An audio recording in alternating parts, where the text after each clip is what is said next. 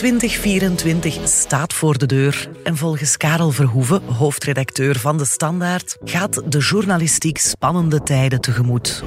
Op veel vlakken. Als er één rode draad is in het hele verhaal, is het misschien wel dat we oude denkpatronen zullen moeten afgooien. Dit is Karels Kijk, een podcast van De Standaard met hoofdredacteur Karel Verhoeven en ik ben Marian Justaert. Vandaag vragen we ons af hoe artificiële intelligentie onze job zal veranderen. Want als we het dan toch over de eigen sector hebben, is AI misschien wel de meest existentiële omwenteling van allemaal. Dag Karel. Dag Marian. Gebruik jij soms ChatGPT? In het begin speel je daar wat mee, maar gaandeweg, ik betrap er mezelf nu op dat ik chat begin te gebruiken als een alternatief voor Google. Niet Mhm. voor precieze zoekopdrachten, maar om een algemeen idee te krijgen van een onderwerp dat ver weg zit. En, Marian, dat ik de chat ook begin te gebruiken als inspiratiebron om eens wat ideeën uit te halen. Ja, zo om te brainstormen. Uh, om ja. te brainstormen. Ja. En ik hoor van collega's dat zij dat ook doen wanneer ze naar een interview gaan om vragen te krijgen.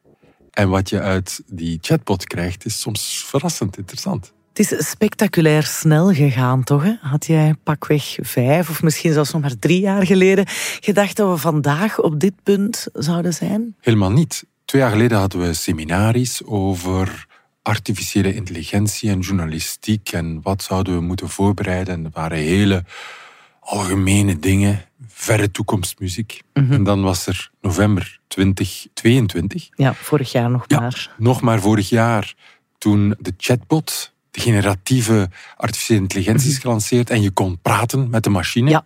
En die machine antwoordde verrassend en ironisch en grappig en volledig. Revolutionair, spectaculair. En verraste ook die mensen die met artificiële intelligentie bezig waren. En ik herinner mij, ik had het moment eerlijk gezegd in november wat gemist. We hadden er wel over geschreven, maar niet in, in termen van de wereld veranderd. En gaandeweg is dat gaan dagen. En ik hoorde tijdens de kerstvakantie vorig jaar een aantal podcasts over ja, het wonder dat geschied was. En ik kwam terug in januari in de krant en ja, de wereld verandert dit jaar door Ja. artificiële intelligentie. Dat was meteen, Ja. ja. we waren vertrokken voor de rollercoaster over artificiële intelligentie die we het afgelopen jaar gezien hebben. En kijk, we zitten nu in december. Al onze redacteuren eh, hebben een veilige omgeving op eh, Bing waar ze kunnen chatten. Google heeft BART gelanceerd. En gisteren heb ik mijn toegang gekregen tot eh, de pilot op Office 365, dus het Office pakket dat ik ter beschikking heb. En als ik oplijst wat dat eh, ding mij belooft te leveren, dan eh, zal ik niet veel meer moeten tikken, want het zal alle conversaties samenvatten. Het zal mijn e-mails een aanzet voor het schrijven van mijn e-mails geven. Het zal al mijn presentaties een first draft geven. En het zal al mijn meetings ook samenvatten in notities. Ik heb het persoonlijk wel lang buiten gehouden, want ik was er zo wat bang van. Maar je dwingt je om ermee bezig te zijn. Hè. Je kunt het echt absoluut niet meer negeren. Het zit Het overal. gaat eh, altijd, zoals bij elke technologische vernieuwing, heb je aan de ene kant mensen die denken dat het vanaf dag één de wereld zal veranderen, en andere mensen die denken, ja, het zal zal zijn tijd wel duren, we zien het wel afwachten. Dat zag je hier ook op de redactie. En veel, ja, we zien wel. Het Ja. komt wel, Ja. En tot eh, je aan collega's een conversaties aan de koffieautomaat hoorde dat de ene het al gebruikte om teksten van interviews eh, te laten Mhm. transcriberen en de andere het al gebruikte om teksten te laten vertalen en een derde het al gebruikte om ideeën te genereren. En ja, je voelt geleidelijk aan hoe Ja. dat toch in ieders gewoonte begint te komen. Wij zijn eh, ja, een nieuwsmedium dat teksten maakt, dat beelden maakt en, en publiceert, video's ook, podcasts. En dat zijn de dingen dat eh, Chat en Bing ook allemaal kunnen. Ja, waarvoor zou je dan nog journalisten betalen eigenlijk? Hè? Een confronterende gedachte dat dat ding ons Straks perfect zal ons proberen vervangt. te imiteren. Of Ja. laten we het anders zeggen, dat er mensen zullen zijn, bedrijven zullen komen, die met een kleine groep redacteuren zullen ambiëren om een volledige nieuwsredactie te imiteren. Dit zullen we zien gebeuren. En het zal in hoge mate lijken op een deel van het werk dat we doen. Sinds begin van het jaar, zodra duidelijk werd wat die tekstcreator, waar die allemaal toe in staat is en zal zijn, zijn wij gaan samenzitten met hoofdredacteuren. Vanuit de vraag, wat betekent dit voor ons als nieuwsredacties? Want je ziet meteen de gevaren op je afkomen, je ziet de kansen op je afkomen. Mhm. En je moet snel schakelen, aangezien het ehm, heel snel vooruit gaat. We hebben daar drie, vier dagen over gediscussieerd en we zijn met een paar, drie stelregels gekomen. Als algemeen raamwerk. En dan heb ik het over de hoofdredacteur van Mediahuis. De eerste stelregel is altijd transparant zijn.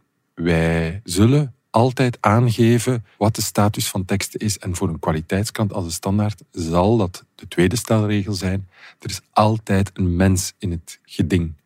Dus Oké. elke tekst, podcast, video, waar we AI voor zullen gebruiken, in voor een deel van de research of een deel van Mhm. eh, de beeldcreatie bijvoorbeeld, daar kom ik zo meteen nog op.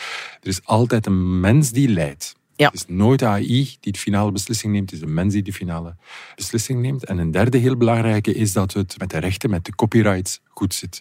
Het gaat vooral over beelden, maar gaat ook over teksten. Het gaat over de teksten en beelden die wij zullen gebruiken in bijvoorbeeld montages.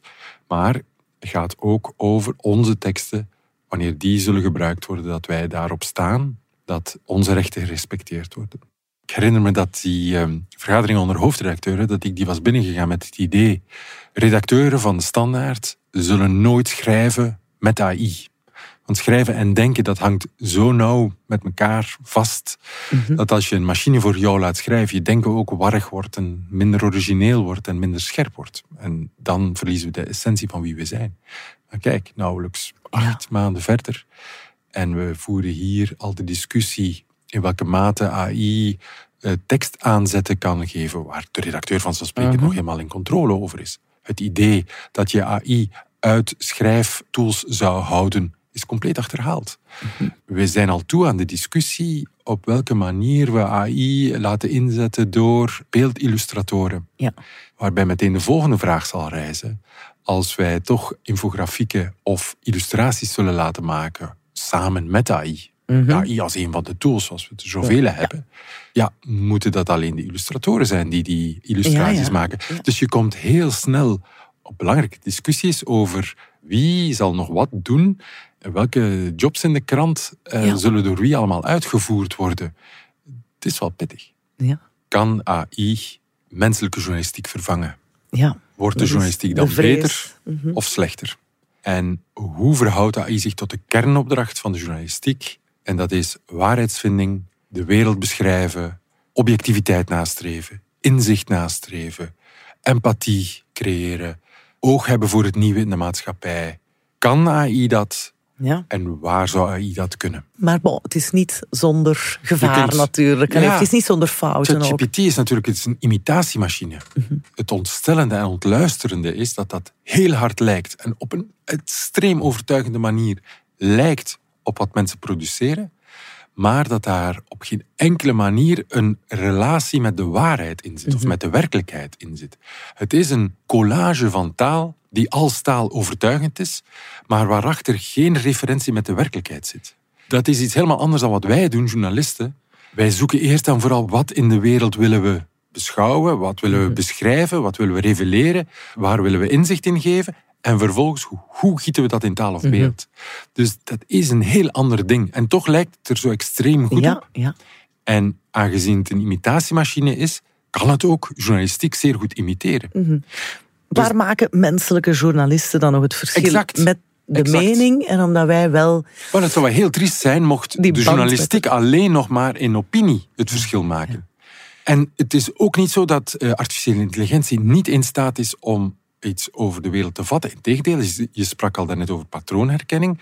Een van de dingen waar artificiële intelligentie zeer goed in is, is het doorploegen van grote bestanden. Zullen wij als ja. instrument gebruiken. Van grote tekstdatabases, van kaarten. Kijk naar hoe de oorlog in Gaza gevoerd wordt.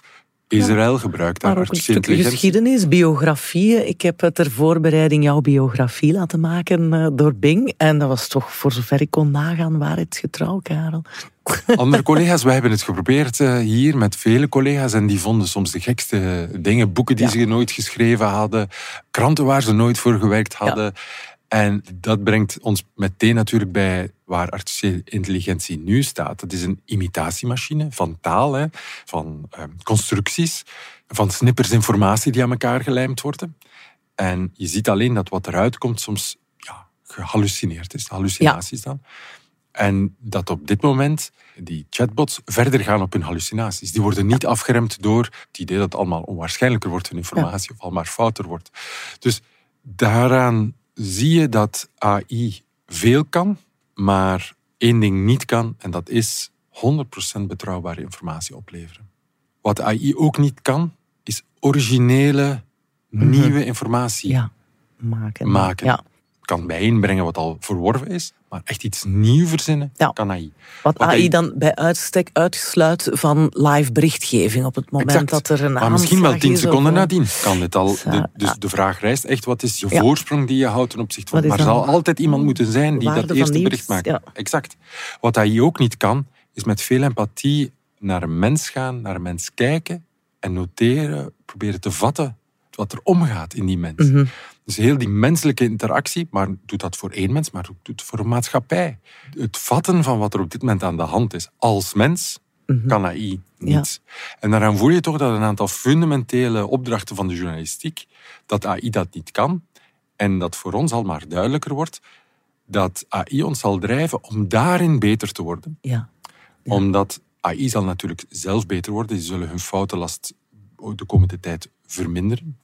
En zij zullen ons duwen om vooral in die genres te gaan en die opdrachten te gaan waar wij mensen goed in zijn. Want al de rest zal zeer goedkoop worden. Want is met één knop, is met, één, met, met een paar zoekfuncties, zal met een paar prompts makkelijk uit te schrijven zijn. De, de lijstjes, stukken en de stukken waar het, ja. ehm, Ja. waar het internet makkelijk voor geplukt kan worden. Ja. De goedkope journalistiek die op kliks werkte, die staat er slecht voor. In die, in die zin dat Ja. die zeer makkelijk te reproduceren is.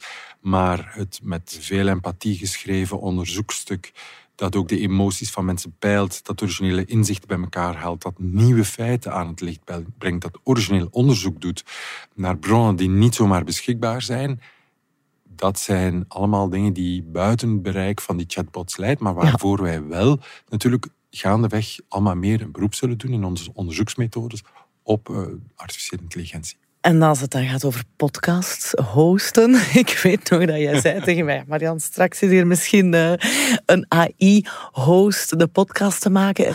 Ondertussen hebben wij een AI-versie van onze Alexander Lippenveld, de vaste host van deze vandaag. Ook huisdieren als honden en katten worden taalkundig onder de loep genomen, maar vooral het onderzoek naar walvissen, dolfijnen en andere zeezoogdieren is veelbelovend.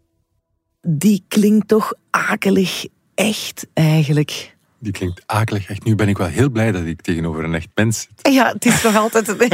ik kan het je garanderen. Maar ehm, we zijn er nog niet helemaal, maar wat een vooruitgang. Een half jaar geleden hadden we nog uren en uren tekst van Alexander nodig die voorlas om een versie te krijgen die enigszins beluisterbaar was. En nu krijg je Alexander die met een vrij natuurlijke intonatie al complexe teksten kan voorlezen, artificieel, zonder dat we hem echt nodig hebben. En dus rijst heel snel de vraag, waarvoor gaan we die inzetten? Bijvoorbeeld om artikels van de krant te laten voorlezen. Ja. Waardoor mensen op momenten dat ze niet kunnen lezen, maar wel tijd hebben, zoals in de auto. Of voor blinden en slechtzienden, of die daar al heel lang vragende partij Exact, zijn. absoluut. Krant dus voor meer lezers Ja. of op meer tijdstippen beschikbaar wordt eh, Ja. in het oor. Dat is, veel lezers zullen denken, ha, interessant. Ja. We hebben ook wel zelf hier op de redactie een leerproces doorgemaakt. Hè?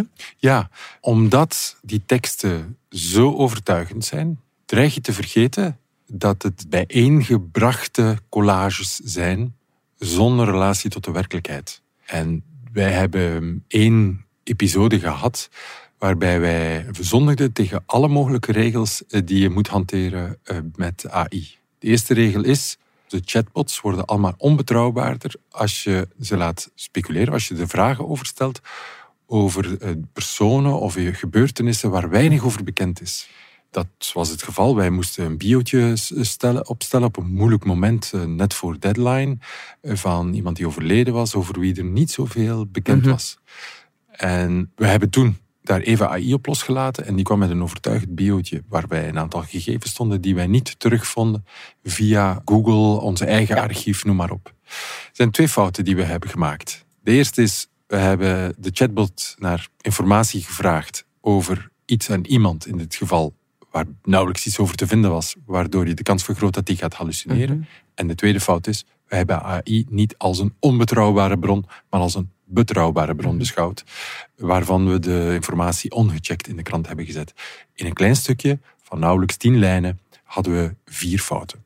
Het zal ons niet meer overkomen. Nee, het was een schok heeft voor de hier wel hele- wat deining veroorzaakt. Ja, absoluut. Ja, ja. Het was een schok voor de hele redactie. Een van de eerste keren dat we de AI op een moeilijk moment hebben gebruikt. En meteen ging het fout. Ehm, en was voor ons wel een les. Er is weinig regelgeving rond, nationaal, Europees, mondiaal. Is daar nood aan? Voor ons zou het misschien makkelijker zijn als er ergens eh, regelgeving was rond dit kan wel, dit kan niet, dit is strafbaar. Ja, dat niet? daar is natuurlijk de roep om, om AI te reglementeren. Nog in de eerste plaats komt die roep van een aantal van de tech-tycoons zelf die met AI bezig zijn. Um, soms eh, zegt eh, Dominique, die bij ons eh, AI volgt, omdat ze vrezen dat ze te laat komen in de race of dat ze er niet goed in zitten en daarom de boel willen stoppen. Anderen ook omdat ze vrezen dat AI op het, ehm, helemaal de richting wordt uitgestuurd waarbij we op weg zijn om een bedreiging te vormen voor menselijke intelligentie. Je voelt het is op vele vlakken het Wilde Westen. Wat wij kunnen doen is proberen inzicht te krijgen in de mogelijkheden die er nu komen en in welke mate dat spoort met onze deontologie. Laat één ding duidelijk zijn. Wij vermoeden dat artificiële intelligentie de nood aan een klassiek medium, zoals het onze, zal vergroten. Waarom?